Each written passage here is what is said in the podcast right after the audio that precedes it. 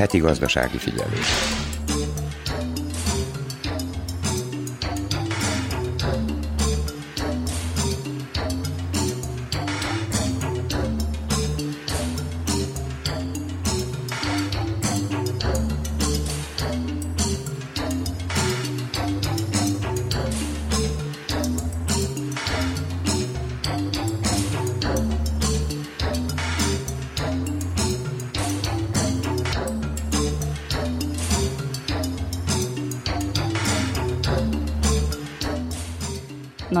Köszönti az Újvidéki Rádió gazdasági műsorának hallgatóit.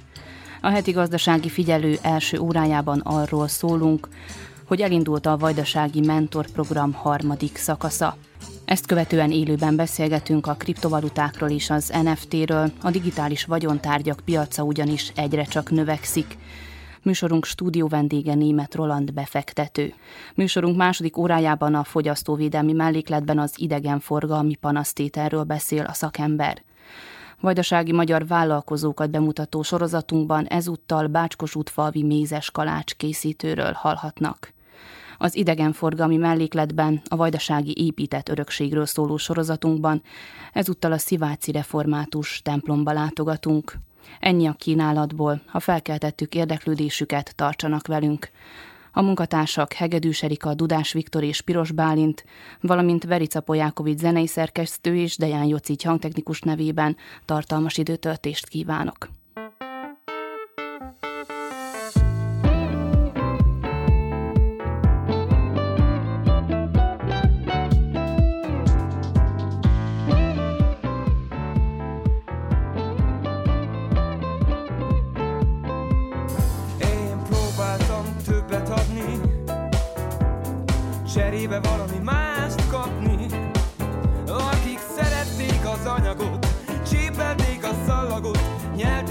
Faltak a mindennapi fontos adagot.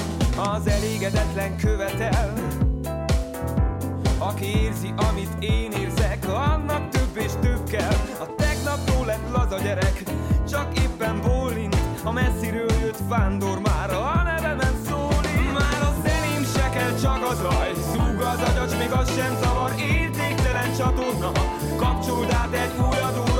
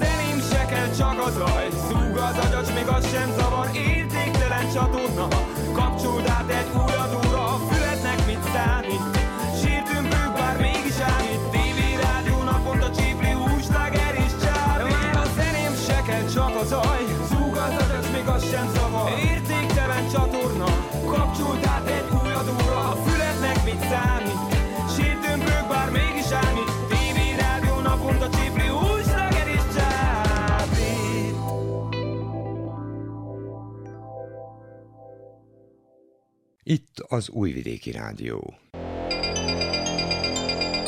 Gazdasági figyelő. Elkezdődött a Prosperitáti Alapítvány harmadik mentorprogramja, amin ezúttal 27 mentor és 77 kezdővállalkozó vesz részt.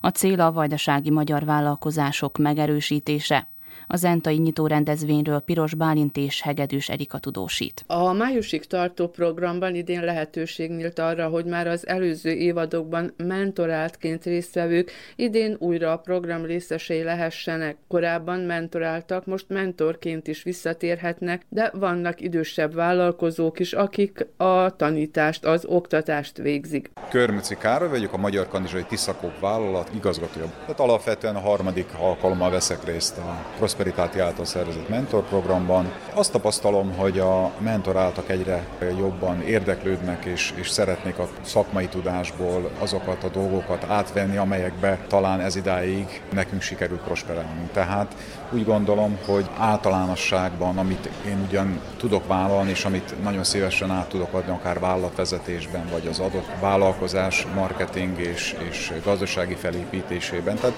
igazság szerint úgy gondolom, hogy általános jellegű dolgok, de talán a példákból, az eddigi tapasztalatokból merítve ha megfelelően tud tájékozódni, illetve adott esetben meghallgatni ezeket a, a, a megélt tapasztalatokat, akkor ebből ő is tud építkezni, és ebből, ebből gyakorlatilag egy eredményesebb vállalkozást fel fog tudni építeni.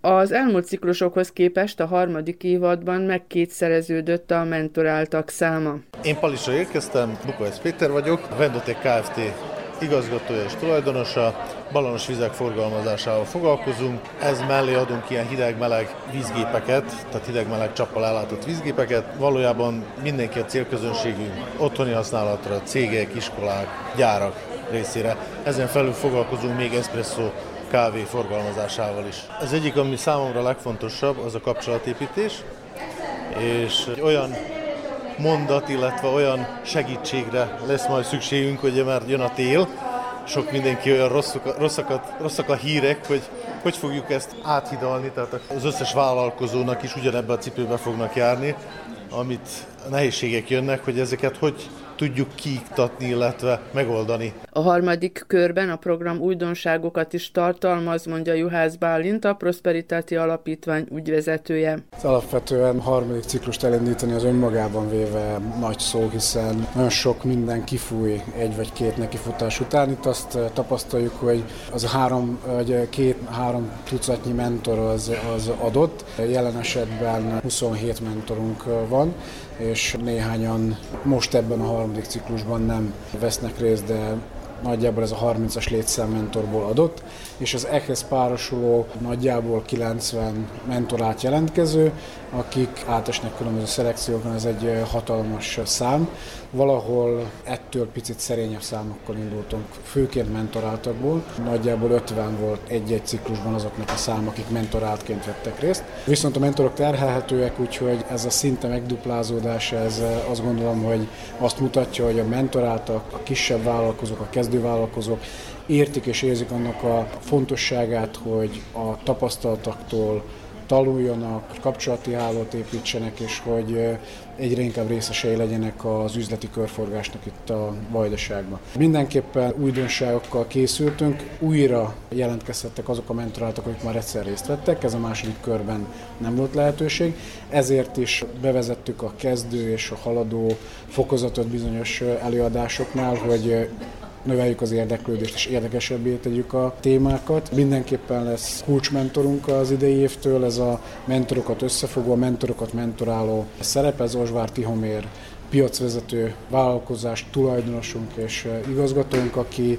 mindhárom ciklusban részt vett eddig, nagyon lelkes és eh, valóban személyes jelenlétével folyamatosan segítette a mentorprogram sikerét. Vajdaságból ő lesz az első, és azt gondolom, hogy fontos, hogy eh, legyen Vajdaságból is kulcsmentor. Továbbra is a véleményekre alapozunk előadások témában. Úgy, ahogy zártuk a második ciklust és kaptunk visszajelzéseket, azt is figyelembe vettük, illetve most a harmadik ciklus jelentkezésénél is akár előadó javaslatban, akár téma javaslatban is nyitottak vagyunk, még folyamatában is, hogy leginkább a, a közönségnek, a, a résztvevőknek a, az igényeihez alakítsuk a program menetét. A nyitó rendezvényen elhangzott, hogy a mai megváltozott világban meg kell találni a lehetőséget a további fejlődésre, mondja Potápi Árpád János, Magyarországi Nemzetpolitikai Államtitkár. A vajdasági mentorprogram harmadik fázisa itt Zentán indul. Zenta amúgy is a magyar újrakezdésből példát mutatott, hiszen ha nem lett volna a zentai csata és az azt követő karlócai béke, akkor talán ma Magyarországról, független Magyarországról sem tudnánk beszélni. Ez a térség egyébként amúgy is többször példát mutatott a magyarság egészének, hogy hogyan kell újrakezdeni, és hogyan kell nagyon nehéz helyzetből felépülni, és sikereket elérni. És ezért a vajdasági magyarság magyar, más magyar nemzetrészeknek is példát tud mutatni. A gazdaságfejlesztési programok is innen indultak el, és a mentor program is innen indult el. A mentor programnak a, a, az alapvető sajátossága az, hogy hálózatépítésre jött létre, azért, hogy a fiatal vállalkozókat összehozza már több tíz éve működő vállalkozásokkal, vállalkozókkal, akik segítséget nyújtanak nekik, idejüket, energiájukat, sokszor pénzüket is beletéve ebbe a, a munkába, annak érdekében, hogy a fiatalok is minél gyorsabban sikeressé tudnak, tudjanak válni. De nyilván nem csak a siker fontos a számunkra, hanem az, hogy a magyar vállalkozásokat meg tudjuk erősíteni a Kárpát-medencében, mert a magyar vállalkozók magyar embereket foglalkoztatnak, és így lehetőséget nyújtanak arra, hogy családokat tudjanak eltartani, gyermeket tudjanak vállalni, és a magyar intézményrendszert tudják működtetni. Nyilván a magyar jövőt tudjuk ezzel is építeni. Örülök annak, hogy most már harmadik alkalommal kezdjük ezt el, több mint százan vesznek részt ebben a, a programban, és hát ez egy olyan lehetőség számunkra, az itteniek számára, amivel élni kell. Látjuk azt, hogy mennyit változott a világ fél év alatt, 2022-ben. 2022 elején senki meg nem tudta volna mondani, hogy ilyen nehézségekkel kell szembenéznünk. Mégis azt mondhatjuk, hogy a magyar vállalkozóknak a Kárpát-medencében és így a Vajdaságban is van egy olyan helyzeti előnyük, amelyel a többiek nem bírnak, mégpedig az, hogy magyarok, magyar nyelven beszélnek, magyarul gondolkoznak, ezáltal 7-8 országban sokkal gyorsabban tudnak kapcsolatot teremteni, üzleti kapcsolatot, gazdasági kapcsolatot teremteni, és egyébként is egy olyan hálózatnak a tagjai, amelynek az alapvető lényege az, hogy magyar.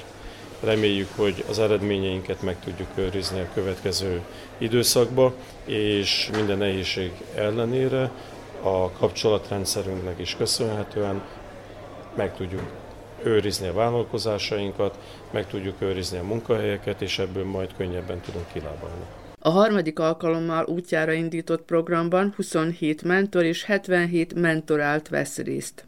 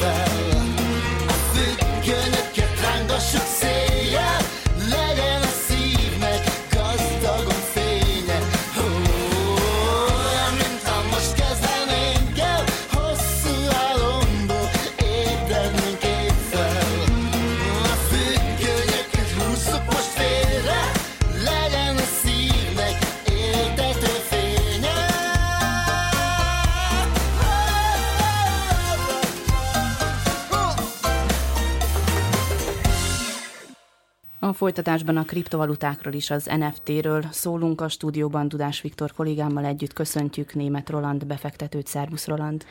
Sziasztok! Örülök, Szervusz. hogy itt lehetek veletek. Köszönöm szépen ezúton is a meghívást. Előre elnézést kérek, hogyha egy kicsit lámpalázas leszek, úgyhogy vágjunk is bele.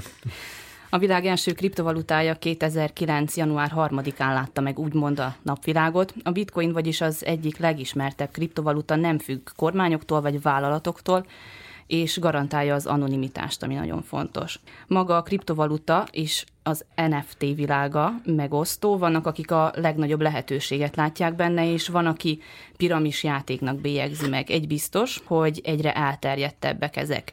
Mi se igazolja ezt a tényt jobban, mint hogy a világ legjobb labdarúgójának járó díjat a nyertes NFT-ben is megkapta. Rolanddal régóta ismerjük egymást, ezt előjáróban elmondjuk, ezért tegeződünk, és azt is elmondhatjuk, hogy fiatal befektetőről van szó. Többször foglalkoztunk már egyébként ezzel a témával. Az első kérdésem mégis az lenne emlékeztetőül, hogy mik pontosan a, a kriptovaluták, hogyan lehet meghatározni őket. Hát, eh, ahogy az előbb is elmondtam, a kriptovaluták az egy olyan téma, amiről én órahosszákat is tudnék beszélgetni, és a barátnőm tudná ezt legjobban tanúsítani, mert minden vendégségben ez a témát, amikor előkerül, akkor előszeretettel beszélek róla. A kriptovaluta az az első egyetlen egy dolog, amit leszögeznék, amit legtöbbször az embereknél látom, és a fiataloknál, tehát ez, ez, nem, ez nem egy generációs szakadék, hogy most azt mondják, hogy a középkorosztály vagy az időseknél, hogy ők nem tudják, hogy miről, miről van szó, mert a fiatalok, a 20 évesek, a még fiatalabbak, vagy a, akár az én korosztályom, most ilyen 25 éves vagyok, ugye, Hát azt látom, hogy azt mondja, a kriptovaluta, igen, az a bitcoin. Nem, nem, nem. Tehát a, a bitcoin az a bitcoin, a kriptovaluták meg azok a kriptovaluták. Tehát igen, egy kategóriába esik, de ezt meg kell érteniük, hogy ez egy kicsit olyan, mint amikor azt mondjuk, hogy vannak a nemes fénymek. Tehát ott is az arany egy külön kategória, és ez jó lenne, hogy az emberek meg be, végre felismernék, hogy a bitcoin az egy egyedi. Tehát egy egyedi, egy utánozhatatlan dolog, és talán azt tudnám mondani, hogy a, talán a világegyetemben még nem volt, na most ez egy nagyon nagy szónak indult, vagy egy nagyon nagy, nagyon nagy ilyen ugye megszólalásnak, de mondjuk így az emberiségnek a jelen tudása szerint nem volt még egy ilyen érték megőrző, vagy egy értékmérő, mert ugye nagyon sokáig ugye az aranyról beszéltek, hogy az arany volt az, ami valaminek a fedezetét bírta biztosítani, vagy, vagy egy olyan dolog, amire mindenki azt mondta, hogy az arany az a number van a világon, hogyha az értékekről van szó,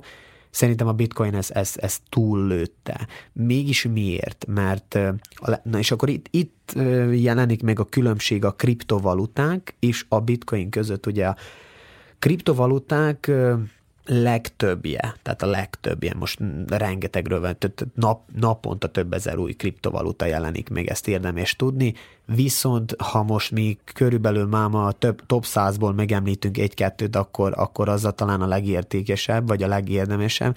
Az első helyen a bitcoin áll. A bitcoin az, ahogy már mondtam, egy egyedi dolog, mivel korlátozott mennyiségben, és itt a hangsúly a korlátozott mennyiségen, 21 millió darab létezik, vagy létezhet majd a, hát a, ugye ebbe a pénzügyi szférába, vagy a, a világunkban, most mindegy, hogy hogy fogalmazok, és ezért, ezért a legértékesebb dolognak titulálnám én, de hát nem csak én, hanem sokkal nagyobb ugye gazdasági szakértők beszélnek úgy a bitcoinról, hogy a hát 21. század aranya tulajdonképpen. Ugye arany, arany azt, azt tisztázzuk le a kettő közötti elvonatkoztatás, hogy ugye aranymezőket azt még mai napig is lelnek fel. És ilyenkor egy legjobb példát elmondhatnánk, vagy elmondhatnék, tegyük fel, hogy egy nem tudom én, Sri Lankán, vagy egy akár legyen, legyen szerencsénk, beszéljünk Szerbiával. Tehát Szerbiában fellelnek egy aranymezőt, ami több tonna kibányászhatatlan, tehát még nem kibányászott aranyt rejt magába. Na ez mit csinál a piacon? Tulajdonképpen ez, ez egy nagyon erősen ugye bár egy, egy ilyen hatást fog generálni, egy inflációs hatást fog ugye generálni, mivel mindjárt nagyon mennyiség jelenik meg a piacon, így leesik az aranynak az ára. Na most a bitcoinnál meg mi a helyzet? A bitcoinnál meg az a helyzet, hogy 21 millió darab köztudottan ennyi lesz, ennyi, ennyi ettől több nem bír lenni. És előbb-utóbb ö, presztízs kérdése lesz, hogy kinek lesz akár 0,1 vagy 0,01 bitcoinja. Sokan, sok gazdasági szakértő ö, ugye azt ö, prognosztizálja előre a jövőbe, hogy a bitcoin akár darabja egy millió dollárt is érhet. Na most ez, ebben nem akarok belefolyni, hogy ez most mennyire lehet valós vagy valótlan, rengeteg állítás van ugyebár a világon, rengetegen gondolkoznak, hogy most ez így úgy, amúgy, hogy ez mi lehet az igaz. Én nem nem lövök egy ekkora árat a jövőre, legalábbis az 5-10 éven belüli mm, árba semmiféleképp sem mondanám ezt, de mindenképpen ma beszélgettünk arról, hogy 19 ezer ennyi-mennyi dolláron áll ugyebár a bitcoin.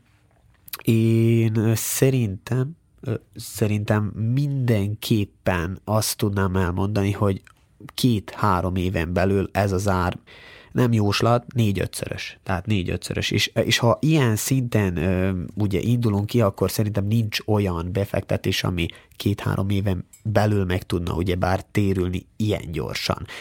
Na, a kriptovaluták, a kriptovaluták ugye a többi, mindig azt mondják, hogy minden, ami nem bitcoin, ugye, az a többi, azt altcoinnak nevezik, ezt érdemes ugye bár ugye, meg, megtanulni, vagy megérteni.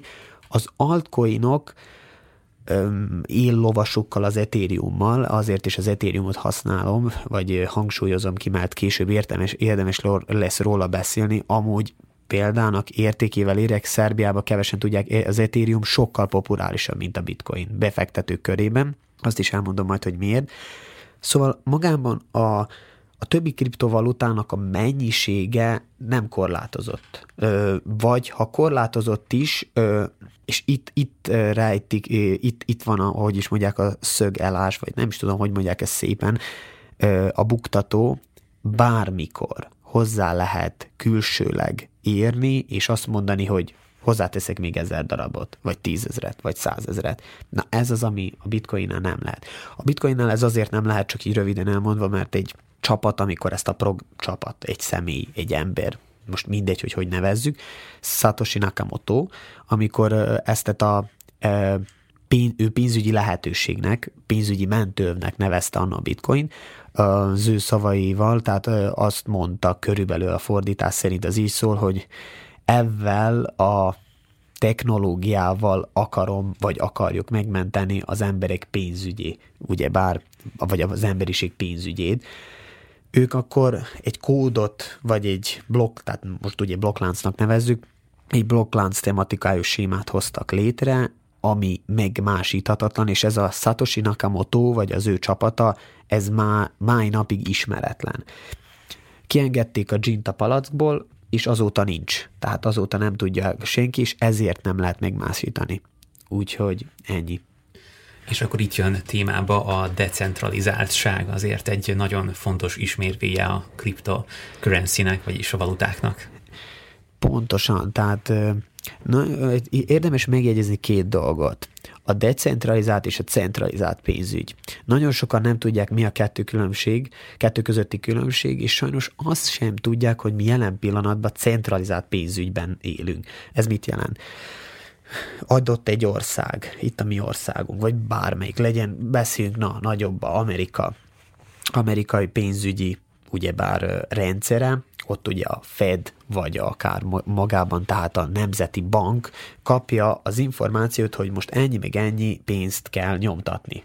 Hát ez már, ahogy mondom nektek, nyomtatni, mit mindenkinek egybe eszébe jut, hogy hát várjunk csak így, csak ha nyomtatnak pénzt, akkor az mit jelenthet? Hát egy egyenes arányba értékvesztést, ugye?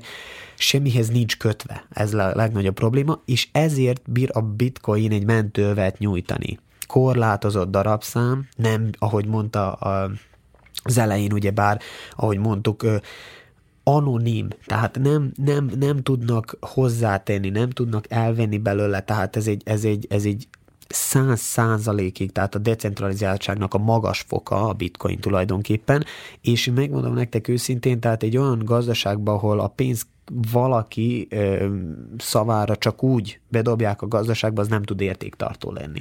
És ilyenkor a decentralizáltság, ami most a jövő, tulajdonképpen ez, ez azt mutatja, hogy az embereknek Mondjuk úgy, hogy a decentralizáltság visszaadja az embereknek a kormányt a kezébe. Persze, itt elengedhetetlen, hogy az embereknek legyen egy alappénzügyi tudásuk.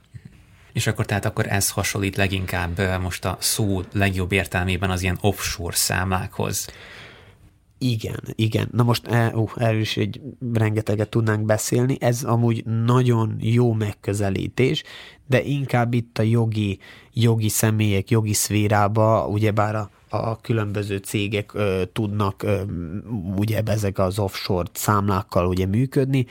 Jelen esetben én azt tudom nektek mondani, hogy a decentralizált pénzügy inkább fizikai személy jellegű. Tehát, hogyha csak visszagondolunk, 11-2 éve él a bitcoin, ugye a séma, a blokklánc, mondjuk így, hogy a blokklánc, mert nem is a bitcoin a lényeg, hanem itt érdemes a blokklánc technológiát megérteni, hogy az az, ami megmásíthatatlanná teszi az egészet. Tehát ami egyszer a blokkláncra, ez, ez az NFT-knél is nagyon fontos lesz, ami oda felkerül, az fent is marad. Ennyire egyszerű.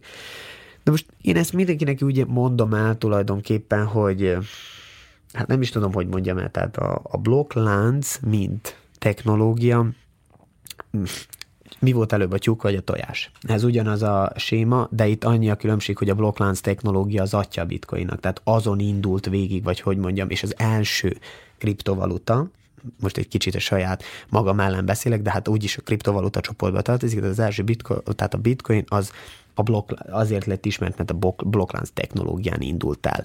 Na most tulajdonképpen amint ugye az offshore-ot hoztat fel példának, ami nagyon jó, de az jogi személyekhez, legalábbis biztos mindenkinek megvan a nagyon nagy ilyen pénzügyi filmek, ez az amaz, pénzmosás, meg ilyesmi, akkor ott, ott ugye arról van szó, hogy, hogy, hogy igen, offshore számlák Sri Lankán, itt meg ott Cipruson, ahol nem adószabályok kikerülés, ez meg az. A bitcoinnál és a blokklánc technológiánál évekkel később csatlakoztak be csak a jogi személyek. Ezt nagyon fontos megemlíteni. Itt kérdeznék rá az adózásra, ugye azt is a műsor előtt a kötetlen beszélgetésben említettük, hogy ez is egy elég nehéz kérdés a kriptó szempontjából. Hát jelen pillanatban ez egy rés a pajzson, jó és rossz értelemben is, szerintem inkább rossz értelemben, mert még nincs egy átfogó pénzügyi korlátszabályzás, eddig nem bír mainstream lenni. Ugye a mainstream dolog az, ami a dollár. Na, az egy mainstream. Mindenki tudja, hogy létezik, vagy nálunk a dinamit. Addig a bitcoin nem fog a gazdaságba kikerülni, vagy a az Ethereum vagy a többi kriptovaluta, mert nem bír mainstream lenni, mert nincsenek meg a korlátok. Na most az adózás. Az adózást azt nem, most én nem akarok itt mondani, hogy hogy lehet, meg hogy nem lehet kikerülni. Mindenképpen a jövőbe, aki nem adózza le most, már az problémába fog kerülni, főleg, hogyha banki szervezeteken keresztül juttatta be a pénzét, ugye a kriptovilágba, a decentralizált pénzügyi rendszerbe, és onnan újra oda akarja kivenni, és a, hát mondjuk, figyeljetek, ezer euró, most beszéljünk így, ezer eurót berakok, kiveszek ezer eurót, arra nincs nyereségadó, ugye? Hát minek lenne? nem, nem csináltál belőle semmit. 1200 eurót kiveszel, ott van 200 euró profitod. Na, arra kell a nyereségadót. Na, ennyi a lényeg. Na most erre nincs egy konkrét ö, szabályzás, ami most én csak elmondom a példámat, én, én a szerbiai ö, szabályrendszert annyira nem vizsgáltam felül, én Magyarországon volt ö, saját számláról, hogy fizettem be, és akartam realizálni profitot. Felhívtam a navot, hogy mondjátok, mondják el nekem, hogy miről van szó, hogy hogy működik. Mint egy laikus nem tudok semmit, hogy kell ezt csinálni. 15 percig tartották velem a telefon, mert nem találtak szakembert, aki elmondja, hogy ez hogy kell megcsinálni.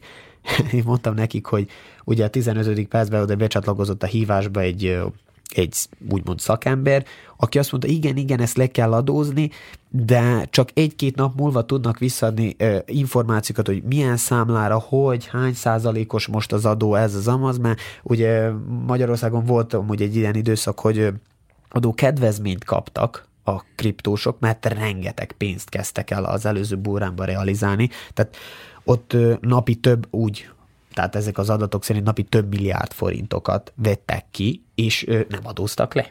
Ott, ott még elég nagy pénzekről volt szó, és visszamenőleg az emberek kaptak, azt hiszem, nem tudom, 10% vagy 10% alattra tudtak, hogy ö, visszamenőleg, hogy leadózzák, akkor nem fognak kapni úgymond utána büntetést. Mert tisztázunk-e valamit?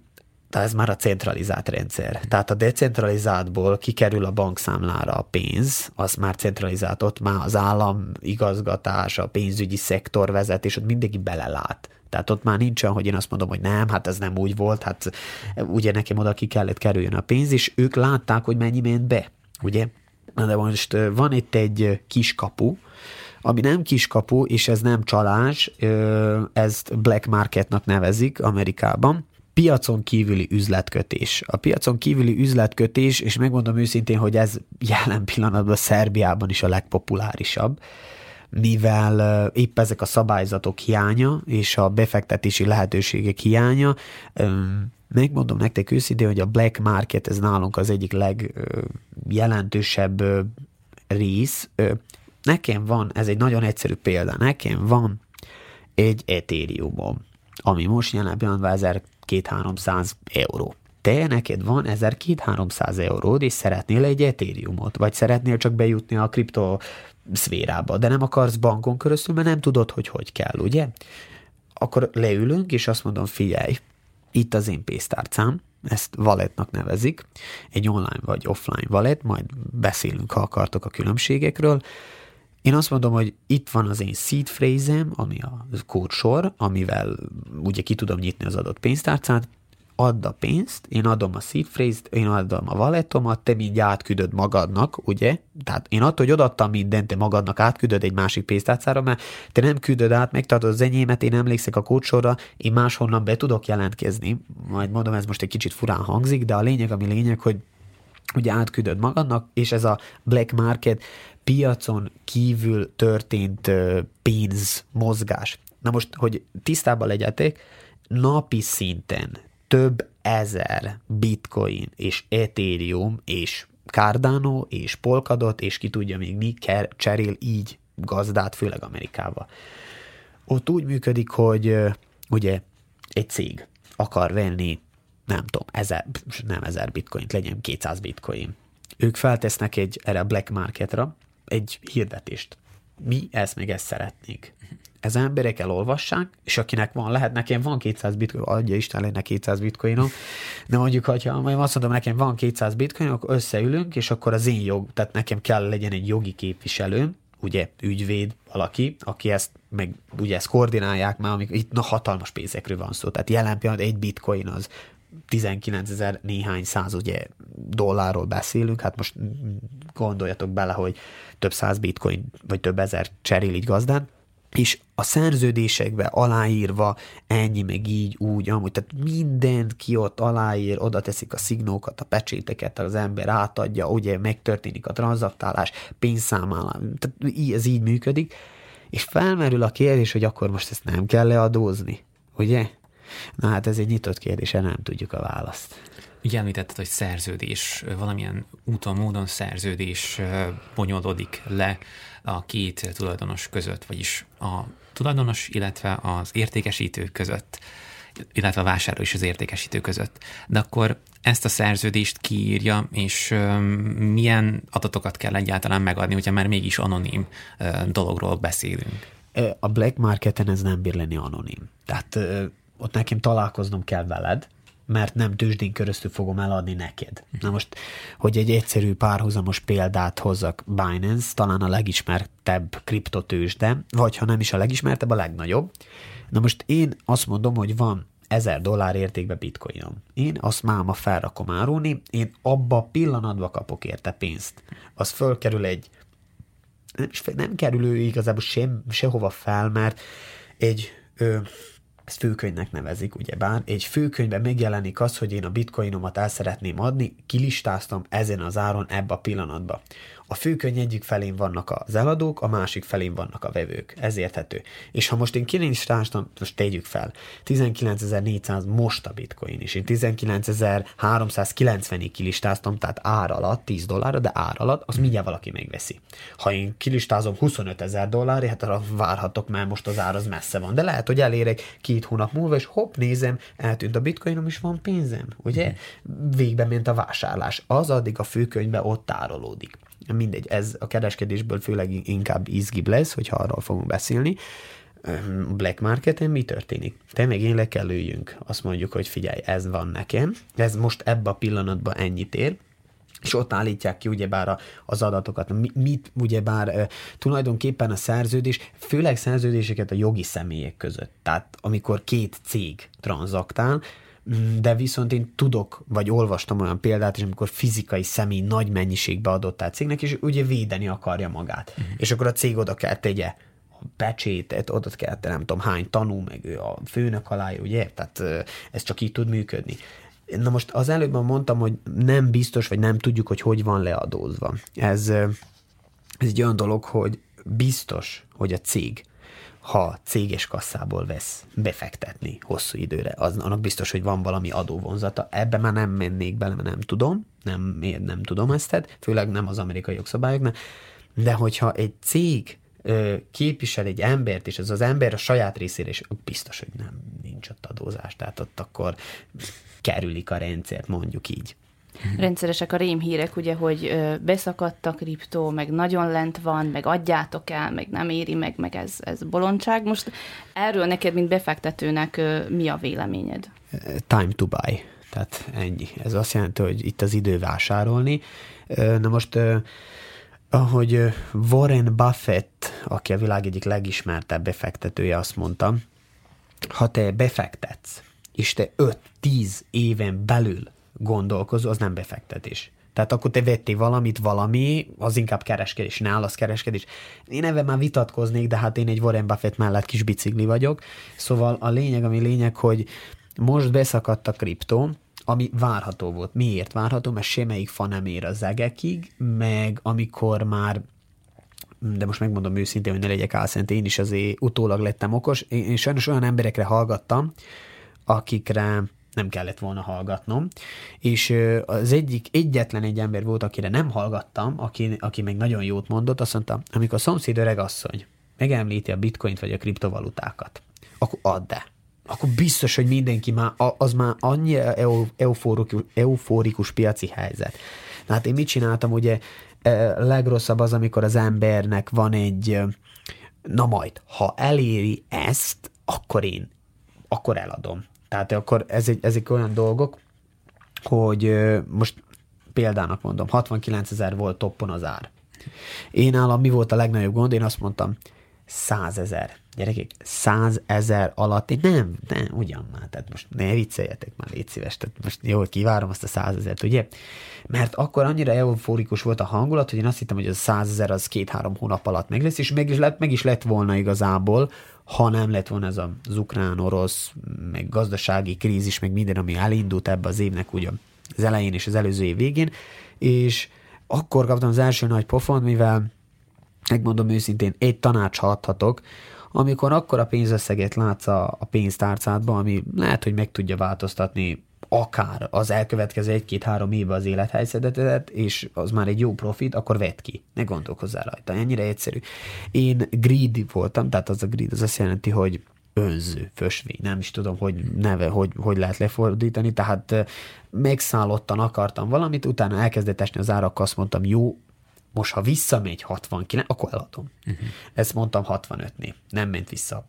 Aztán az volt, hogy mi is volt, ja igen, 60-ra leesett, mondom, 65-ig. Csak visszapattan a zár, kiszállok, sok mindent realizálok, nagyon jó lesz. Nem, nem. Tehát ott elkezdett esni, esni, esni, és most is megvannak ugye a kriptovalutáim, némelyik, ugye bár már volt, amit realizáltam, hát nem nagy profitba, és megmondom őszintén, Ez egy hiba volt. Viszont, majd mondom az őszintét, a másik részről, hogy nem, nem sajnálom, mert én hosszú távra jöttem ide játszani. Én mondtam a barátnőmnek is, hogy értse meg, hogyha ez most be is szakad minden, nem, meg ha rossz lesz, nem veszünk ki pénzt, nem realizálunk, zsíros kenyeret fogunk enni, de biztos, hogy még marad a, a kriptoportfólióm, mert tudom, hogy ez két-három-négy év múlva sokat fog valószínűleg érni. De jó, van, azért mondom, hogy valószínűleg, mert azt azért tisztázzuk le, hogy mielőtt most valaki rohanna, hogy vegyen kriptót, nem. Tehát sose semmire nincs garancia. Ugye említetted ezt az ukrán-orosz válságot, most számos egyéb tényező is közrejátszott, biztos vagyok benne, de itt azért beszélhetünk mondjuk a bányászatról is azért, mert ugye ki kell ezeket bányászni, ugye mm, trendibben élve ezzel a szóval kapálni kell ezeket a kriptovalutákat, és ugye ehhez energia kell, illetve videókártyáknak, számítógépes komponenseknek az energiája, ami az áron kell a nagyapám azt mondta egyszer nekem, hogy cyberparaszt vagyok, mert el, megpróbáltam neki elmagyarázni, hogy hogyan működik ez. Azt mondja, te valószínűleg életedben nem láttál kapát. Ennyit mondott nekem ö, bányászat. Jelen pillanatban egy dolgot éri meg bányászni, nem, nem, bocsássatok, semmit nem éri meg bányászni jelen pillanatban. Ö, tehát ö, most ugye a, a bányászok, a nagy bányászok, akik komoly hardveres gépekkel, szoftverekkel, tehát ugye nagyon-nagyon komoly bányászgépekkel, bitcoin bányásznak, ők se adják el mert akkora energiafogyasztás van, mindegy, hogy a zöld, megújuló energia, mert már a bitcoinnak a 75% ezt kevesen tudják, de megújuló energiaforrásból ugye táplálkozik, akkor is drága.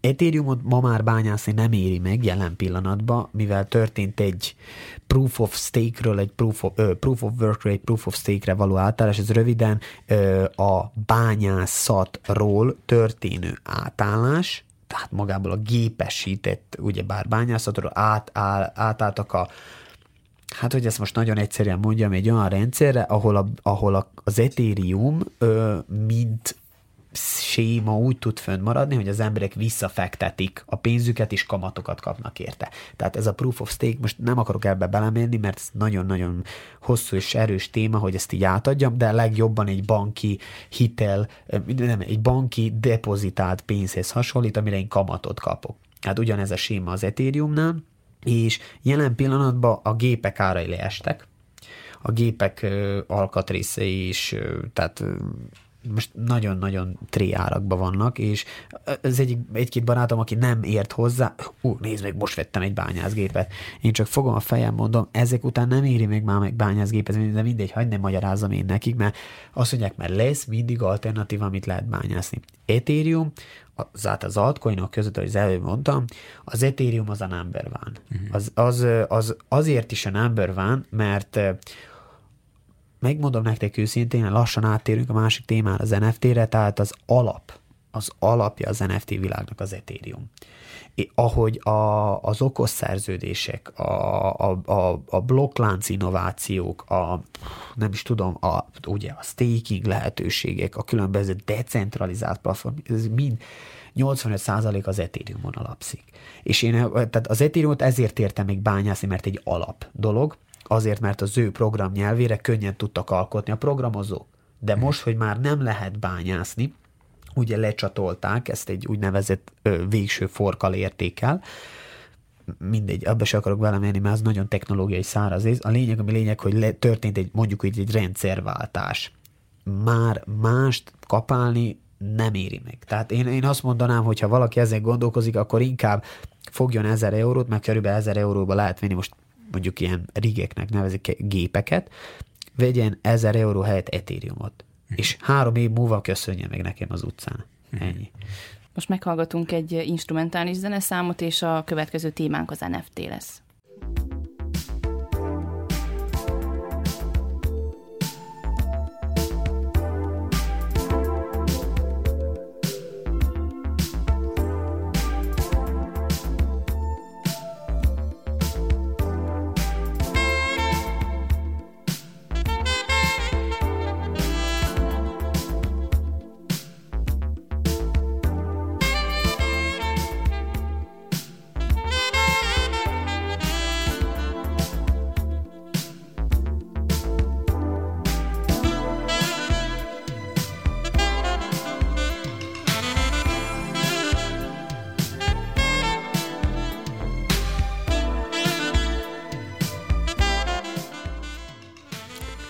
Kedves hallgatóink, Önök továbbra is az Újvidéki Rádió gazdasági figyelő című műsorát hallgatják. A vendégünk a stúdióban német Roland befektető. Eddig a kriptovalutákról beszélgettünk, térjünk át az NFT-re. Nem sok időnk maradt, tudom, hogy nehéz összefoglalni ennyi idő alatt. Mik az NFT-k? Ez tényleg nehéz lesz, de igyekszek. Az NFT-k nevezzük, mondjuk így, hogy a jövő. Tehát minden, ami jelen pillanatban a világban van, az valaminek már a kópiája. És ha most nagyon akarom ö, bele, bele ugyebár menni a részletekbe, akkor az NFT tulajdonképpen ö, a neve non-fungible token, nem megvál, vagy nem helyettesíthető tokenek, és tulajdonképpen a, felfedezték az emberek. Először azt, mondjuk így, először azt hitték az NFT-kre, hogy az a gazdagok játszótere, értéktelen vackok, képekkel seftelnek, meg videókkal, meg gifekkel, meg mit tudom én mikkel, és ennek nincs értéke. Aztán hoppá, az emberekben realizálódott az, hogy akár egy Van Gogh festményt is profi szinten lehet hamisítani, és nincs mögötte, tehát nagyon profi kell legyen az a műértékelő, aki azt mondja, hogy á, nem, ez nem eredeti. Na most ugye mi történik ebben a, az NFT szférába? A blokklánc technológia, most újra ugye visszatérünk ide, a blokklánc technológia az, ami az eredetiséget tudja bebizonyítani, méghozzá avval, hogy tulajdonképpen ami oda egyszer felkerül a blokkláncra, az egy nem megmásítható adat. Tehát az az, az adat az egy, egy olyan, mint hogy egy hatalmas könyvben egy ember egész idő alatt jegyezni, hogy mi történik. Tehát én ezt az NFT-t nevezzük most, nem tudom én, egy üvegvíznek, ez az üvegvíz képet eladtam neked, nem tudom, ennyi meg ennyi etériumé. Vagyis hát most már lehet másban is fizetni, de hát most erre még ne térjünk ki, eladtam egy etériumért. Na most az az NFT átmegy a te pénztárcádba, te nekem ezért pénzt, ugye pénzt fizetsz, mikor kifizetted a pénzt, megtörtént ugyebár a tranzakció, és te leszel a tulajdonos. Na most még mindig ott tartunk, hogy az emberek azon gondolkoznak, hogy ebben mi lehet az érték. Hát nagyon egyszerű, a legnagyobb gyárak, autógyárak, a Ferrari, a Ford, a BMW, Volkswagen, tehát mind elkezdtek abba az irányba gondolkodni, hogy az autók eredetiségét, kilométer óra állásokat, adatokat, mindent NFT formába rögzítenek, és amikor egy vevő megy megvenni, azt avval együtt adják majd el. És amikor ő, én eladom az NFT-met, avval együtt logikusan a kocsit is el kellene majd adnom, de mondjuk ez még egy kicsit nehéz ugye belegondolni ebbe, de elméletileg el kellene adnom a kocsit is, hogy az a kettő együtt képez értéket. Nem tudom, hogy mennyire lehet követni, amit akarok mondani. Jelen pillanatban a világban ez még úgy nehéz. Nehéz ezt így elgondolni, nehéz ezt így úgy, úgy, úgy elképzelni, de egyre jobban. Tehát én nekem például sajnálom, egy, egy olyan puló, pulóverem, tehát egy olyan felsőm van, amit egy NFT-t, a Puma, tehát a Puma, amíg kiadott márka, ugye sportmárka, én vettem egy NFT-t. Azt az NFT-t ö, elbörnöltem, ezt így nevezik, elbörnöltem, az ő, tehát web oldalukon, ugye beküldtem, és én nekem felvették az adataim, és egy egyedi pulóvert kaptam érte. Na most mm, várjátok meg, 100 dollár volt ez az NFT, 100 dollárt sose nem adnék ki egy pulóverért, de miért? Miért mentem mégis bele ebbe a tranzakcióba? Összesen 2000 embernek lesz olyan pulóvere. És amikor tudom, hogy a Puma, az Adidas, a Nike, mert a nagy sportmárkák már mind az NFT-k világában vannak, amikor a nagy sportmárkák ugye ö, felkapottak lesznek, nekem lesz egy ilyen pulóverem, és lesz, aki azért a pulóveri lehet 10 eurót fog nekem fizetni, mert ő lesz az a késői felismerő, aki azt mondja, hogy basszus, ennek olyan pulóverje van, ami, ami brutális, ami, ami az első NFT volt, ami egy presztízs. A, tulajdonképpen én az NFT-kre azt mondanám, hogy ö, egy lázadó lázadás, a művészetben lázadás a világban, és viszont már nem csak erről van szó, hanem arról is, hogy, hogy presztis kérdése is, hogy milyen NFT-ket tartasz, tartasz NFT-t, bizonyos közösségekhez tudsz vele tartozni, egy elismert tag tudsz lenni. Most nekem például megmondom nektek, egy Dead Fellas nevezető nft van, amit régóta holdolok, az 2000 dolláré vettem. Amikor megmutattam a barátnőmnek, hogy vettem 2000 dolláré egy képet, akkor azt mondta, hogy kész vége ennek a kapcsolatnak. Aztán elmagyaráztam neki, hogy miért vettem 2000 dolláré. Azért, mert az az NFT 21 ezer dollárt ért a bikapiac alatt. Én azt várom, hogy az elérje azt a szintet, de viszont lehet, hogy nem fogja elérni. Lehet, hogy a bebukik a projekt, de nem hiszem. A Deadfell az például nagyon sok korporációt köt, mi az a korporáció együttműködés cégekkel, és Amerikában van egy nagyon jó cég, Farmer ruha anyagba dolgozik, és ők most csináltak, hogy dízelnek, dízel a cég neve, és ők csináltak korporációt magába ez a korporáció földobta az árat. Már azon az ár fölött van, mint amin én vettem. És ezek azok a dolgok, ez lehet, én amúgy NFT-kkel kereskedek sokkal jobban, mint a kriptókkal, mert a kriptók az nekem nagyon stresszes, NFT-kkel még tök fun kereskedni, nagyon vicces, tehát én meséltem is azt, hogy jó, most ez nem minden nap történik meg, de például jöttem ma hozzátok, egy kacsa kép, vettem egy képet egy kacsáról, ezt a kacsát, amíg ideértem új vidékre eladtam, 180 dollár realizáltam profitot. Tehát ez egy, ez egy minimál bér fele Szerbiába, egy kacsán. Tehát ez, ez, ez polgárpukkasztó dolog, és viszont hiszitek vagy nem, ez most oké, okay, nem egy érték, de viszont ennek van egy mögöttes értéke, amit az emberek lassan majd látni fognak. Amerikában most egy építészeti cég, ezt talán még megemlítem, előre NFT-kbe ad el lakásokat. Brutál populárisak, nagyon sokat ér, és az emberek már egymás között, a lakások még nincsenek felépítve. Némelyik lakás már ötször cserél tulajt. És ez hatalmas pénzmozgás, és ez majd előbb-utóbb a gazdaságban is látni fogják. Úgyhogy én nem tudom, tehát én megmondom őszintén, tehát az NFT, mint a én a jövő, tehát a jövőt látom benne, és egy szóval az Ethereumra épül, tehát ezért is nem azért mondom, hogy Ethereumba kell gondolkozni, de én azért, én abba hiszek inkább. Akkor még egy rövid kérdést föltennék a végére, hogy most lehet, hogy ezt nem is lehet annyira röviden megválaszolni, de hogy majd lesznek ezek a metaverzumok, és akkor ezekkel az NFT-kkel lehet feltölteni mondjuk egy ilyen virtuális galériát. Így is beszélhetünk róla. Hát igen, most szerintem te meg akarsz még egy két is fél órás beszélgetést alapozni. A metaverzumok az egy totál más. Tehát az a, az a világnak a tovább gondolt része. Ott az minden az NFT-khez lesz hozzákötve. Az avatárod, a karaktered, a ruházatod, az épületed, az autód. Én megmondom, nekem, nekem van, van NFT zoknim.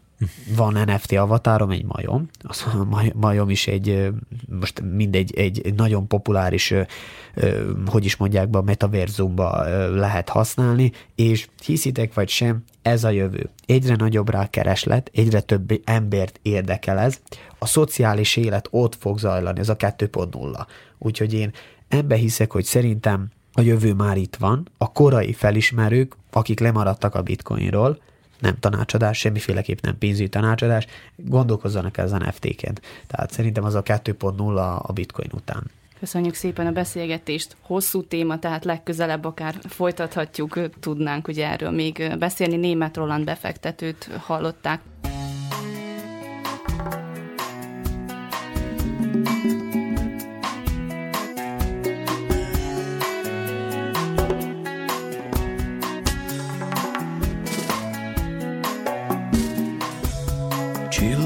Cseppek csúsznak az ablakon. Benéznek hozzánk, alszol a vállamon. És sorra el is tűnnek, épp mikor kisüt a nap. Kicsit itt vannak, ahogyan mi Kicsit próbálnak így maradni Mi is szeretnék de a nap rohan felénk.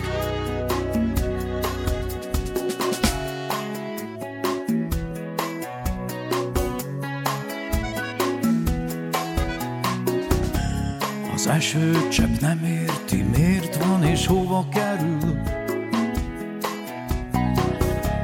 Az ember meg félelmében a reménybe menekül.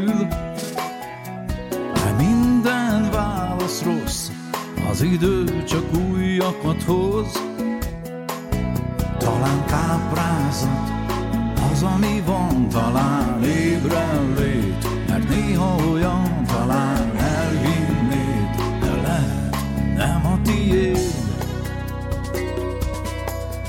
Én tengert álmodom Csak egy csepp víz a hajadon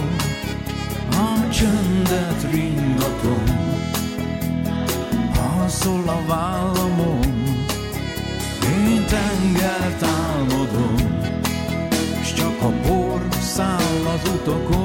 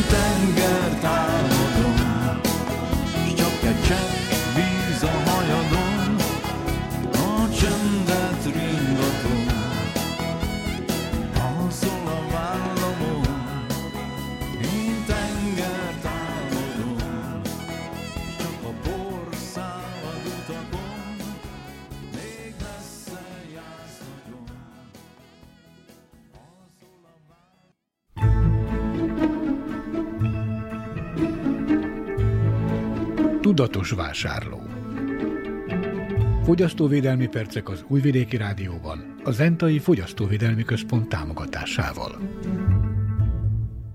A fogyasztóvédelmi mellékletben a csoportos és az egyéni utazásokkal kapcsolatos turisztikai panasztételről beszél Száva Vujcsics, a Zentai Fogyasztóvédelmi Központ munkatársa, Hegedűs Erika kérdezte. Van egyéni és csoportos utazás. Az egyéni utazásnál természetesen a szálloda főnökéhez kell fordulni. A legjobb lenne, amikor látja ezt a írásban jegyzőkönyvezni. És abban az esetben neki köteles felhívni az utazási irodát itt Szerbiában, és akkor közölni bele, hogy a kedves ügyfél nem elégedett, vagy nem az, amit kért. Másik a csoportos. A csoportos utazásoknál kell, hogy legyen egy utazási iroda képviselő, aki folyamatosan 24 órát ott van.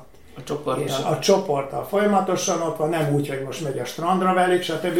Ott kell legyen szállodában, és bármilyen problémá nála kellene ezt elvégezni. Ez azt jelenti, hogy azt a szerződést, amit kötöttünk az utazási irodával, azt vigyük magunkkal, hogy tudjuk bizonyítani, hogy mi mire fizettünk be. Mert hogy itt azért az egyik fél állíthatja azt, hogy megkaptam azt, amit ö, kértem és ígértek, a másik fél meg állíthatja azt, hogy nem kaptam meg, vagy megkaptam. Igen. Hát Tehát, elvileg tehát ezt hogyan a- lehet ezt tisztázni, hogy az én elvárásom, és hogy mit ígértek? Elvileg nagyon rövid pontokban az utazási iroda tájékoztatja, hogy Mhm. mostan fél panzió, teljes panzió, vagy all inkluzív, minden benne van a, a csomagban. De amennyiben nincs, hát jó van, szerződés vigyék magukkal, ha bár nem kötelező. Nekik fontos a voucher. Illetve ugye az, hogy be van fizetve, vagy, vagy hogy szerződést kötöttek azzal az adott utazási irodával, nehogy idegen használja azt a Nos, és én azt tapasztalom, hogy föl van tüntetve, hogy lesz klíma, és nem volt, vagy lesz tévé, és nincs tévé a szobában, ezt látom. De azt, hogy mondjuk egy ágynak mozog a lába, és rossz minőségű akár a, a berendezés, a bútorzat, azt nem biztos, hogy a szerződésben föltüntetik, viszont én kényelmetlenül érezhetem magamat. Most persze tudom, hogy ha négy csillagos, vagy csak két csillagos a szálloda, akkor azért tudhatom, hogy mik lehetnek az elvárások, és mi a kínálat. De mivel tudom én azt bizonyítani, hogy nem azt kaptam, amit, amit ígértek? Hát mindenféleképpen Fotózza? kell, fotózni kell, mindenféleképpen a strandokat, mondjuk rá a tisztaságát, a szoba tisztaságát. Na most egy olyan elemekről van szó, költségekről, amik bekalkulálhatók esetleg, hogy csökkentsék ennek a, vagy összepakolunk, hazajövünk és visszakérjük a pénzt, illetve kártérítést kérünk.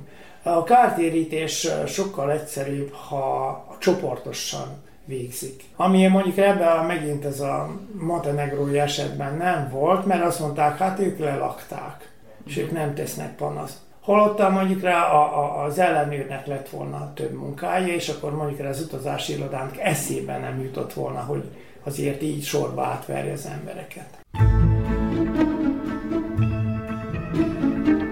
Fogyasztóvédelmi percek az Újvidéki Rádióban, a Zentai Fogyasztóvédelmi Központ támogatásával. Vajdasági magyar vállalkozókat bemutató sorozatunkban ezúttal Bácskos útfalvi mézes kalács készítőről hallhatnak. Csikós Katalin egy bevált recept alapján dolgozik, a nyár után ilyenkor kifejezetten megnő a termék iránt a kereslet. Az egyéni munka mellett foglalkozásokat is tart, ahol a technikát tanítja, őt hallják a következő percekben. Na, elmondjuk a hallgatóknak, mi tegeződünk, régebb óta ismerjük egymást. Honnan indult az, hogy te mézeseket készítesz, honnan jött az ötlet, és mikor? 2011-ben megszületett a kislányom, és ő neki szerettem volna kedveskedni így karácsonyra egy kis aprósággal. Na, nem, mint hogyha annyira értette volna olyan fiatalon, hogy anya mit is művel, de akkor kezdtem el próbálkozni így a mézes kalács díszítésekkel, és azóta is tart. Hogyan sikerült az évek alatt fejlődni? Mert ugye ehhez mondhatjuk azért kézügyesség is kell valamilyen szinten, ez kézművességnek is mondhatjuk talán. Hát a kézügyességet azt hál' Istennek örököltem, bár rengeteget kellett fejlődni, amire idáig eljutottam még most is van hova fejlődni, azért ezt muszáj hozzátenni. Elég ramatyokótak az elsők, így legalábbis az én szemszögemből, de hát ugye a család is mindig támogatott, meg hát ahogy a kislány is cseperedett, azért csak élvezte is, főleg, hogyha be volt fonva a kis munkafolyamatokba, ugye gyúrásba, sütésbe, aztán a díszítésbe, és aztán végül egy ekkora nagy... Szerelem volt? Na hát az annak is lehet mondani, igen. Tehát nagyon megszeretted ezt, a, amit csinálsz. Van köze esetleg a, az iskolához, amit fejeztél? Tehát valami szakács, cukrász, vagy semmi? Vegyészetét fejeztem, úgyhogy még véletlen se. Nem. Kicsi korom óta tagja voltam az Adi Endre Művelődési Egyesületnek, valamilyen szinten ugye csak belevonzott ez a népművészeti, hagyományőrző dolgokba. Én szerintem onnan jött így ez az ötlet ha lehet annak mondani. Viszont lehetett volna más is, lehetett volna mondjuk gyöngyfűzés, vagy horgolás, kötés, mégis az édesség fele ment. szeretsz -e enni? Azt szokták mondani, igen, hogy talán azért foglalkozok ilyesmivel, ami ételhez köthető, mert szeretek enni. Enni nagyon szeretek, viszont az édeset nem. Úgyhogy tényleg így összerakni a dolgokat, hogy honnan jött, hogy pont a mézes kalácsot, azt nem tudom. Szoktam én tojást festeni, különben húsvétra a gyerekeknek, szóval azért oda is oda teszem magamat, de, de valahogy úgy, ez valahogy jobban kézre feküdt. Hogy sikerült megtalálni a tökéletes receptet, mert itt ugye nem mindegy az sem. Nagyon sokat böngésztem az internetet, meg nagyon sokat próbálkoztam, sőt, hogyha őszinte lehetek, szerintem nem olyan régóta van az a jó bevált receptem, amit, amit most is használok. Biztos, hogy lehetne még ezen is javítani, vagy fejleszteni, de én úgy érzem, hogy ez most az én kezemnek erre így be van állva, és ez, ez most olyan tökéletes. És itt ugye nem csak a tésztáról van szó, hanem magáról a cukor a mázról. igen, főleg a mázról beszélek, mert az volt úgy nehéz megtalálni. Hát a sütemény recept az hanyósomnak régi receptje, az még egy nagyon, nagyon régi szakácskönyvből van. Én azt szeretem használni, elég puha is, finom is, finom is ezt mondod. Igen. Tehát akkor, mert ugye sokszor ezt nem szokták megenni, a mézeseket, amik olyan nagyon szépen ki vannak dekorálva, festve, viszont a kötetlen beszélgetésben mondtad, hogy már egyesületek is rendeltek tőled, hogy készíts bizonyos alkalmakra, akkor olyankor el is fogyasztják ezeket a kalácsokat? Nyugodtan fogyasztató is, én, én általában úgy szoktam megsütni, hogy hogy hogyha valakinek kedve támad, azért ne legyen tőle semmi baja, hanem tényleg fogyasztható is legyen, szép is legyen, és akkor mindenki boldog a koronavírus mindenkinek megkeserítette azt a két évvel ezelőtti időszakot, viszont úgy gondolom, hogy egy mézes kalácshoz nincsenek olyan összetevők, amiket nehéz lett volna abban az időben beszerezni, vagy esetleg most a háború miatt nehéz volt-e? Hát én annyira nem veszem észre, hát tejet nem szoktam hozzárakni, egyedül a cukor, ugye főleg most így, amikor jött a háborúra a pánik, akkor ugye a cukrot jobban vitték, akkor egy kicsit meg is ijedtem én is, hogy úristen, mi lesz akkor most velem a télen, hogy fogom sütni a kalácsot, de hál' Istennek tényleg mondhatom azt is, hogy az is úgy relatív megoldódott, tényleg lehet találni boltokba is, nem hiszem, hogy gondot fog okozni.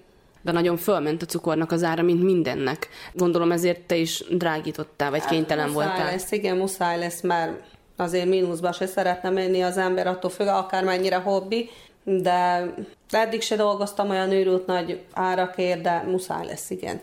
Most itt ugye jövő időbe beszélsz, azt is a kötetlen beszélgetésben említettük, hogy itt is van holt szezon nyáron, ugye nem nagyon veszik a, a mézeseket. Most mi októberben beszélgetünk, kezdenek most már érdeklődni az emberek? Mindenki várja, hogy mikor lesz már ugye karácsony? Inkább ott az első advent vasárnapi előtti időszak, ami, ami húzósabb szokott lenni, mert arra szokták rendelni ugye inkább az adventi koszorúkat, aztán ugye karácsonyra magát a süteményt, esetleg egy mézes tízes kalácsházikót, és inkább az, ami ilyen húzósabb. Nyáron nem, nem igazán van rá kereslet. És mennyire lehet ezt előre készíteni, hogyha mondjuk most elkezdenéd a, a karácsonyokat, van annak értelme? A dísztárgyaknak valót, azt szerintem azt meg lehet, mert, mert ugye azt elég kevesen szokták elfogyasztani, Viszont amit direkt tudom, hogy, hogy biztos, hogy fogyasztásra fog menni, azt, azt jobb szeretem inkább ott előtte, nem sokkal azért egy kis ételmérgezést nem kívánok senkinek. És győzöd egyedül készíteni, vagy van, aki segít esetleg? Hát igyekszek annyit elvállalni, amit én még győzök. Próbálom a lányomat most már beleavatni, ugye most már ott van ő is lassan 12 éves, hál' Istennek érdekli is, meg szeret is csinálni, örökölte is a kézügyességemet, úgyhogy én bízok benne, hogy azért lesz itt egy kis utánpótlás a munkaerőtéren is. Azt is elmondhatjuk, hogy igyekszel a tudást átadni, mert van egy csoport, ahol tanítod ezt az ilyenfajta kézművességet. Ugye ott hányan vagytok, milyen gyakran találkoztok? Idén évelején indítottunk egy mézes kalács szakkört az Adi Endre Művelődési Egyesület keretein belül. Hát ez pályázaton lett megnyerve, ez a mézes kalács szakkör a Magyarországi Művelődési Egyesület. Ugye ő át az alapanyagokat, amit ugye Pehűn nem sikerült áthozni a határon, attól függetlenül ugye maguk a csoporttagok, a résztvevők, ők is elég lelkesek, és ők is sok alapanyagot hoztak, illetve az Adi Endre, amit állt, és, és dolgozunk heti rendszerességgel, megyünk, sütünk, díszítgetünk, tanítgatom őket, tényleg nagyon lelkesek, maximálisan meg vagyok velük elégedve, már nagyon ügyesek. Vannak picike gyerekektől kezdve idős asszonyokig, úgyhogy tényleg a mindenféle életkorosztály megvan. Főleg az ilyen kézműves vásárok azok, ahol, ahol meg lehet mutatni ezeket a termékeket. Te jársz-e ilyen eseményekre? Készíteni szoktunk, ugye én személy szerint annyira nem szoktam menni, mert ugye a munkahelyem az kicsit-kicsit visszatart, plusz hát ugye ott a két gyerek, azért őket se szeretem mindig mindenhova húzni, nyúzni, de a kézi munkások, hogyha mennek valamára, ugye a Tarka Világ kézi munkacsoport valamilyen kiállítás, akkor oda szokták eljezni a mi kis munkáinkat is. Itt falun belül, hogyha van a valamilyen kiállítás, oda is szoktunk menni. Úgyhogy igyekszünk azért tudatni az emberekkel, hogy vagyunk.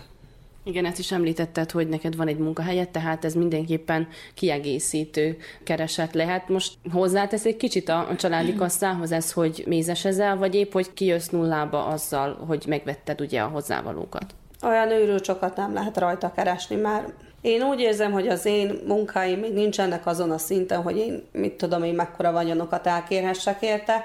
Továbbra is azt mondom, inkább hobbi szinten van, de de mondjuk konkurencia nem hinném, hogy van a közelbe, vagy legalábbis a faluba. A faluban nem igazán. Utazunk és utazzunk. Vajdaságban és a világban. Az Újvidéki Rádió turisztikai rovata. Az idegenforgalmi mellékletben a vajdasági épített örökségről szóló sorozatunkban a Sziváci Református templomba látogatunk. Barokk stílusban épült, ma már kisé romos állapotában is mutatós építmény. Immár 50 éve nincs gyülekezete, azóta nem is tartanak Isten tiszteletet. A református egyház ígéretet kapott a templom tatarozására, de erre még nem került sor. A templom belseje jobb állapotban van az utcáról látott külsejénél, mondja hallgató Imre építészmérnök, akit Hegedűs Erika kérdezett. Ezt az épületet valamikori helybeli német reformátusok építették, és az német református egyház gyülekezetként szolgált. Az épület pontos építési évét nem tudom sajnos én sem, de olyan kb. 120-130 évvel ezelőtt épülhetett. A németek és az itteni maroknyi reformátusság használta rendszeres református templomként egészen a második világháború utáni, amíg a németeket ugye deportálták. Onnantól a maroknyi reformátusság, aki itt volt, azoknak volt egy ideig istentisztelet tartva itt helyben. Emlékezetem szerint Pótlajos Szabadkai lelkipásztor volt, aki utoljára gondozta ezt a reformátusságot, de az a 70-es években megszűnt.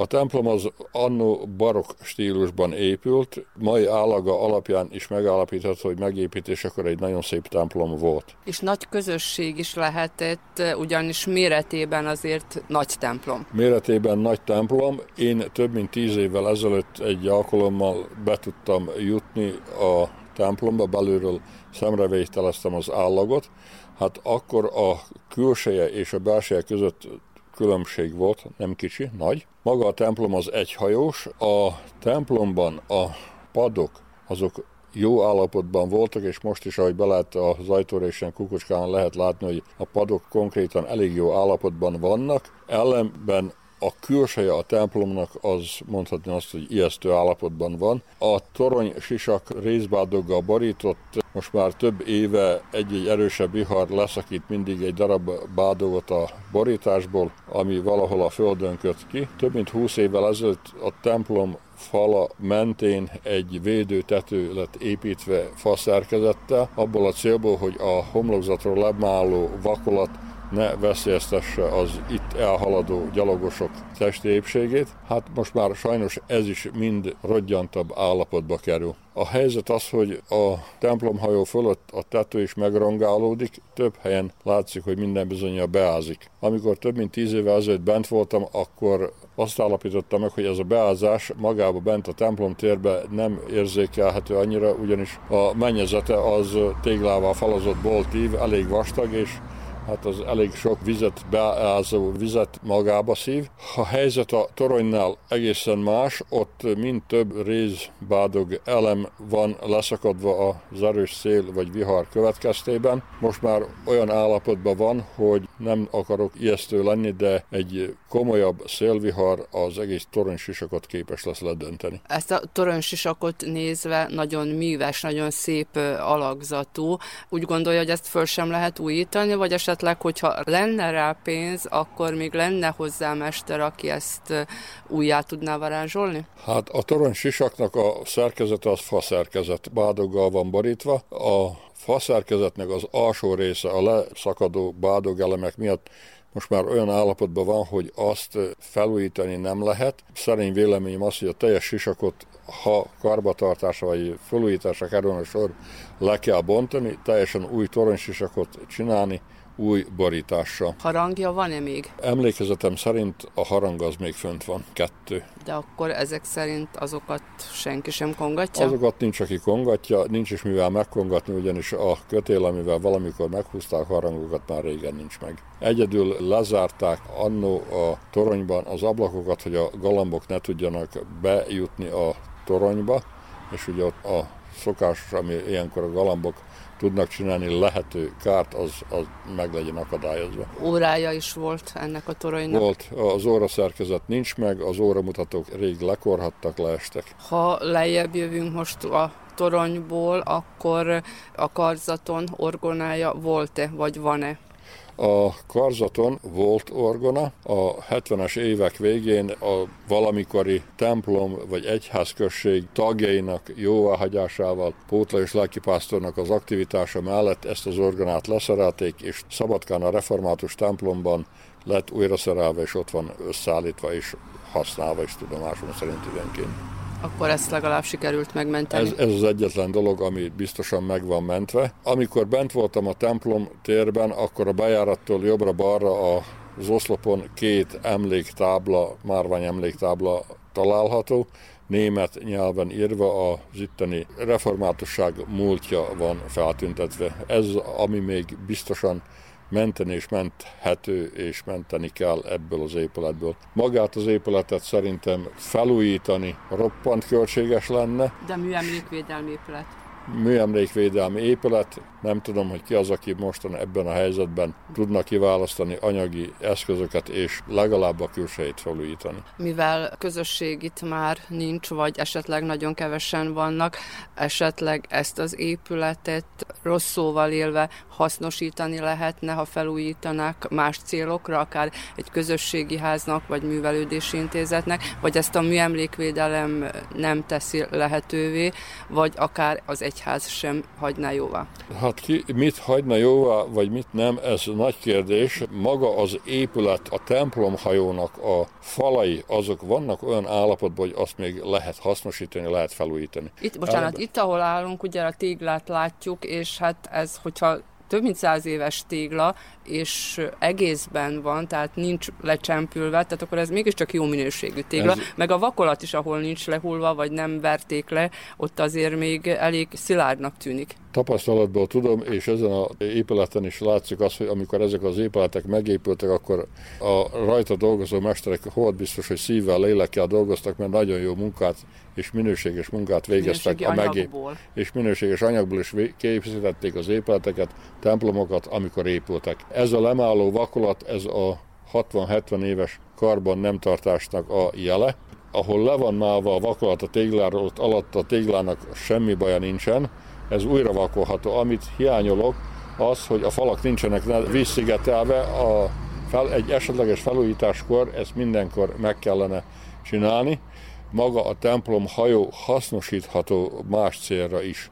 A templom, a torony rész az sajnos olyan állapotban van, hogy annak felújítása mindenképpen megkérdőjelezhető, hogy racionális-e vagy sem. A minőségről beszélve a főbejárat és a mellékbejárat ajtaja is látszik, hogy valódi fából készült, és még mindig szilárd állapotban van. Itt-ott talán egy picikét megcsonkítva. A főbejáratnál ugye volt egy rés, ahol be tudtunk kukkantani, be tudtunk lásni az épületbe. Tehát, hogy azért tényleg minőségi. Valamikor ez minőséges volt, mert több mint száz év után ilyen állapotban látni a faajtót, az a ritkaság. Sajnos most már, ahogy én látom, olyan állapotban van, hogy valószínűleg célszerűbb lenne egy ugyanilyen kinézetűt újonnan minőséges fából csinálni felújítás esetén. Tehát a főbejárat és egy mellékbejárat van? Igen, van egy főbejárat és mellékbejárat van. A valamikori parókia az itt van a még most már szabadon álló telken, mert az korábban olyan állapotba került, hogy lebontásra kellett ítélni, és lebontották. Ha most be tudnánk jutni a főbejáraton, akkor mit látnánk, az ha meg lenne, és hát igazából még azért ez az a padokon kívül is látszik. Ha be tudnánk menni, akkor jobbról-balról a padokat találnánk. A templomban az ülésrend úgy volt elosztva, hogy a szószék a templom hajó másik végének közelében van a Mózes paddal együtt, tehát valamennyi részvevője az istentiszteletnek azok egy irányba néztek. A maga a szószék is megvan, aránylag jó állapotban. Az is fa, vagy? Fa, az is fa. A följárat a karzatra a lépcsőzet jó állapotban van, fönt a karzaton a padok, padlózat szintén elfogadható állapotban van ennyi év után. Milyen padló?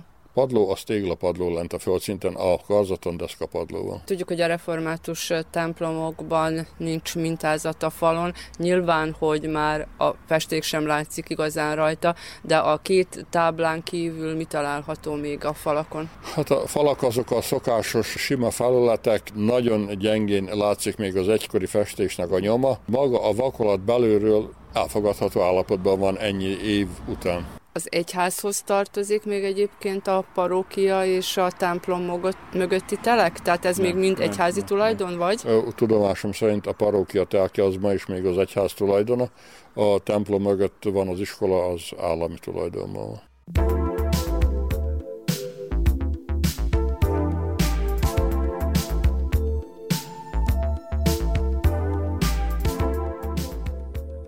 Kedves hallgatóink, Önök az Újvidéki Rádió gazdasági műsorát hallották, amelynek első órájában arról szóltunk, hogy elindult a Vajdasági Mentor Program harmadik szakasza. Ezt követően élőben beszélgettünk a kriptovalutákról és az NFT-ről, a digitális vagyontárgyak piaca ugyanis egyre csak növekszik. Műsorunk stúdió vendége német Roland befektető volt. Műsorunk második órájában a fogyasztóvédelmi mellékletben az idegenforgalmi panasztételről beszélt a szakember. Vajdasági magyar vállalkozókat bemutató sorozatunkban ezúttal Bácskos útfalvi mézes kalács készítőről hallhattak. Az idegenforgalmi mellékletben a vajdasági épített örökségről szóló sorozatunkban pedig a Sziváci Református templomba látogattunk. A munkatársak Hegedűs Erika, Dudás Viktor és Piros Bálint, valamint Verica Polyákovics zenei szerkesztő és Deján Jocic hangtechnikus nevében Nagy Emília köszöni meghallgatóink figyelmét. Műsorunk visszahallgatható a www.rtv.rs.hu honlapon, a médiatárban, a heti gazdasági figyelő cím alatt. A gazdasági műsorral a jövő héten is a szokásos időben, kedden délelőtt a 10, és az esti ismétlésben a 8 órai hírek után jelentkezünk. További szép napot és jó rádiózást kívánok!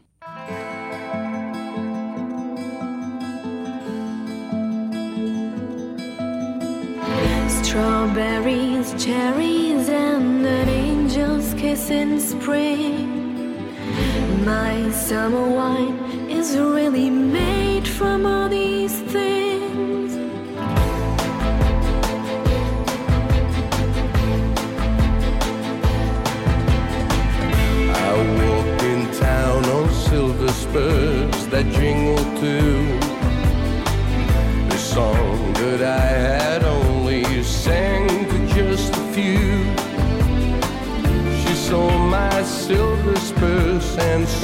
Said, Let's pass some time.